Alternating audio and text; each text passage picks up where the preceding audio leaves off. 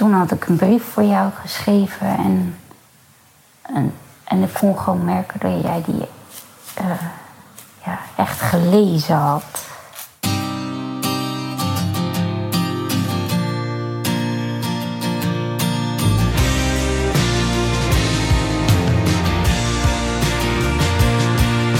Je luistert naar de podcast Naast Noordwest.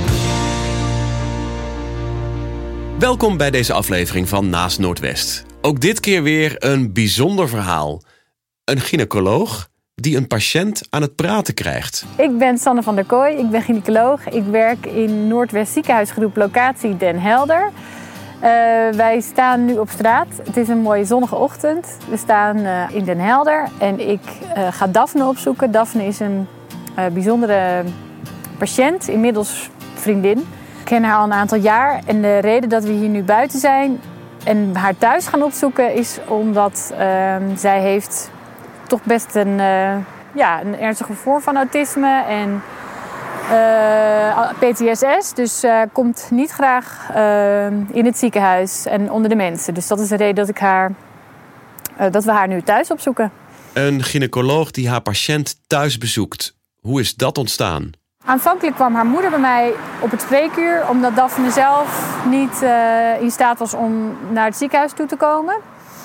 haar moeder heeft me de situatie uitgelegd... dat Daphne veel menstruatieproblemen had. Zij heeft eigenlijk altijd een koptelefoon op als ze buiten of niet in, het, uh, niet in haar eigen huis is. Hè, dan komen er zo min mogelijk prikkels binnen. Uiteraard moest ik haar eerst ook onderzoeken. Dat is uiteindelijk ook nog niet makkelijk natuurlijk. Ik moest eerst het vertrouwen winnen van haar. Ja, dan heb je ook nog te maken met de situatie dat je op een OK bent. En in de tussentijd ben ik zelf als dokter een aantal keer op Lesbos ook wezen werken. in een vluchtelingenkamp. En Daphne die was, ja, die, die op de een of andere manier raakte die ook daarbij betrokken. Of was al gewoon ook maatschappelijk betrokken zelf. Hè? Want ze is heel geïnteresseerd in, in de wereldproblematiek en uh, alles gaat haar heel na aan het hart. Uh, dus zij kwam, ehm, volgens mij was dat ook na de operatie, nog voor de nakontrole. En ze, ze, ze, vertelde dat ze ook heel begaan was met de vluchtelingen. En dat ze maar allemaal mooie dingen maakte en dat verkocht. En het geld inzamelde eigenlijk voor uh, Lesbos. En of ik dan wilde zorgen dat het op de goede plek terecht kwam. Uh, dus zo kregen we eigenlijk steeds meer ook een band. En dat ging op dat moment eigenlijk ook nog allemaal via brieven, zeg maar. Dus steeds kwam ze met een brief. En dan, ze schreef ook brieven uh, over de situatie op Lesbos en waarom ze dat zo erg vond. Waarom we zo slecht, als Europa zo slecht omgaan eigenlijk met vluchtelingen. Dat ging haar ook heel na aan het hart.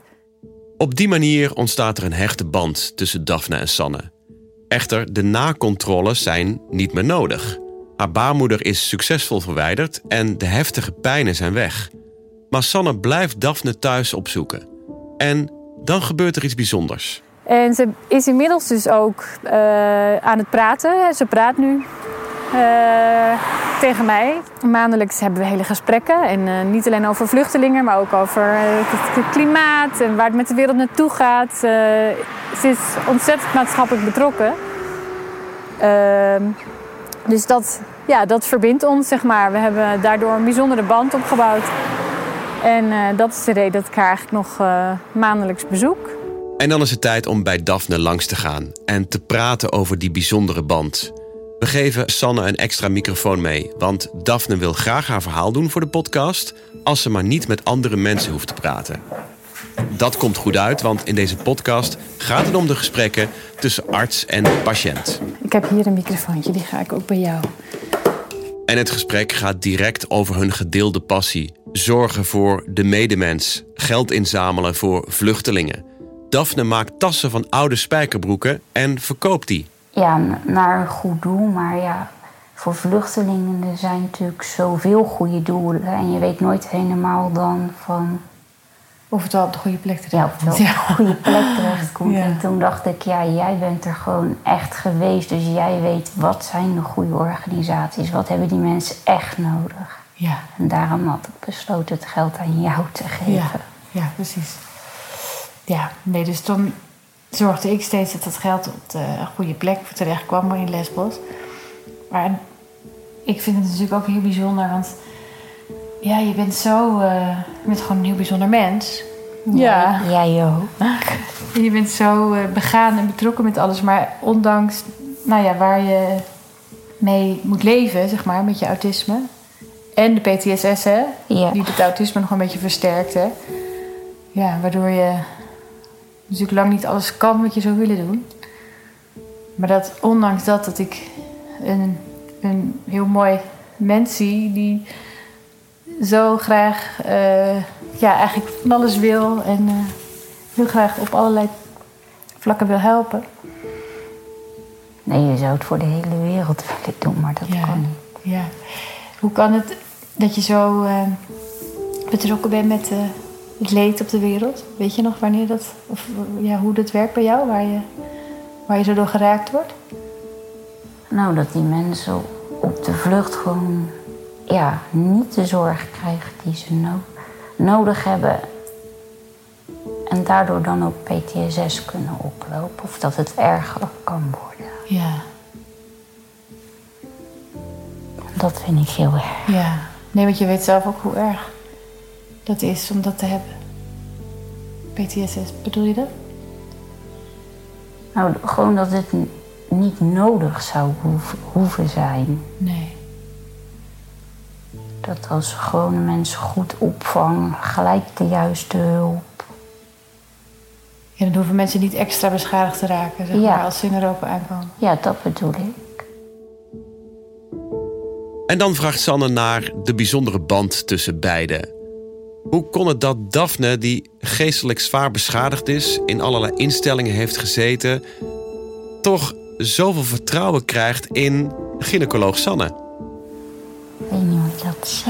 Maar gewoon, normaal voelde ik me niet, helemaal niet snel op mijn gemak bij mensen. Maar bij jou voelde ik me gewoon heel snel op mijn gemak.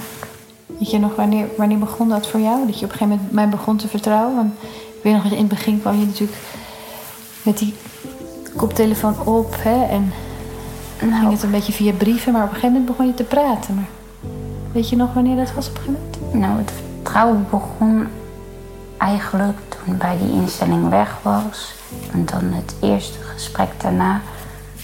Toen had ik een brief voor jou geschreven en, en, en ik kon gewoon merken dat jij die eh, ja, echt gelezen had.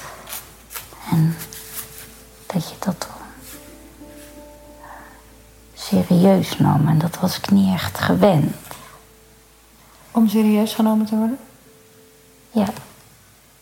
En volgens mij de eerste keer dat het echt lukte om wat te zeggen was toen jij hier de eerste keer gewoon thuis kwam. Ja. Want Ik wilde het gewoon zo graag en toen lukte het gewoon ook. Ja. Wat wilde je graag? Het lukte om wat te zeggen. Oh ja, dat. Ja, ja, ja. Ja. Ja, ja ik vond dat ook een... Jij vroeg wanneer lukte het om wat te zeggen. Ja. Vond ik ook een heel bijzonder moment. Dat je op een gegeven moment tegen mij ging praten. Ja, dat bedoel Ja. ik. Het was echt heel bijzonder. Eh, Want je praat met je moeder en verder zijn er nog mensen met wie je praat? Nou, mensen die ik eigenlijk ken van voor al mijn opnames in de instelling. Oh ja. Dus ja, gewoon natuurlijk broertje, zusje, Ja, precies. Familie. ja, familie die ik gewoon vertrouwen. Ken van voordat al, ja, die tien jaar met ellende is gebeurd. Ja, ja, Gewoon daarvoor. ja, ja, ja. Ja, want in die tien jaar is er zoveel gebeurd dat je eigenlijk de mensen niet meer vertrouwde, zeg maar. Nee. Nee. Ik voel me ook wel vereerd. Ik denk, jeetje, dat is, eh, ja, ik vind dat gewoon heel bijzonder. Het is gewoon een bijzondere band hebben we Ja. gekregen. Maar dat komt ook omdat jij gewoon heel veel geduld had. Gewoon niet mij onder druk zetten en gewoon, gewoon Sanne was. Ja. Nee, ik dacht, weet je, het is, het is voor jou helemaal niet prettig als er alleen maar over je heen gepraat wordt natuurlijk. Nee. In plaats van gewoon rechtstreeks tegen jou. Dus dat was ik eigenlijk vanaf het begin ervan natuurlijk wel aan het doen. Ik weet nog wel dat ik inderdaad heel veel tegen je heb gepraat. Ook gewoon in de spreekkamer. Dat je natuurlijk helemaal niks terug zei. Maar dat ik wel wist... Want dat zei jouw moeder dan steeds. Zo, ze hoort je wel. Ja. Dus dan... Ja, ik sprak gewoon tegen jou. En in de veronderstelling dat je mij wel verstond. En eh, het begreep. En ja. Dus dat, dat was in het begin natuurlijk heel lang zo. Dat ik gewoon wel praten. maar stug doorging met tegen jou te praten. Ja. Ja. Nou ja, goed. Ik, ik, we, we we gaan eh, natuurlijk gewoon op deze manier contact blijven houden. Hè? Ja. Het is zelfs natuurlijk wel zo dat het ook bijzonder is dat ik ga natuurlijk met zwangerschapsverlof al bijna. En dan komt Ja. er in januari nog een babytje. Ja. Dat je ook hebt gezegd van... eh, dat je dan bij ons langskomt. Ja. Ja, hè? Ja. Dat het allemaal alleen maar lieve mensen zijn. Ja. En zijn er nog dingen die je nog zou willen vertellen? Nou, nee, ik ben heel blij dat ik jou heb leren kennen. Ja. Er wordt snel een nieuwe afspraak gemaakt. Sanne drinkt haar thee op en stapt de flat uit. En als ze de deur achter zich dichttrekt, realiseert ze zich hoe moeilijk deze bijzondere band is uit te leggen aan anderen. Nou, dan staan we weer op straat. Ehm, het is altijd fijn om Daphne weer te zien. Ja, en ik denk natuurlijk ook wel eens van, eh, of tenminste daar heb ik wel last van gehad, dat je denkt, ja, in hoeverre is dit eh, zeg maar de bedoeling? Of dat je patiënten thuis opzoekt. Het is vrij exceptioneel. Ik doe dat eigenlijk eh, verder niet. Ja, in dit geval, het is gewoon een, we hebben een speciale band gekregen en het is een bijzondere situatie. En ehm, dus dat maakt dat ik dat op deze manier doe. En dan ben ik nu inmiddels niet meer de dokter, maar dan ben ik nu gewoon eh, een vriendin van haar, eh, van Daphne geworden eigenlijk. Dus misschien wel mijn kracht of zo.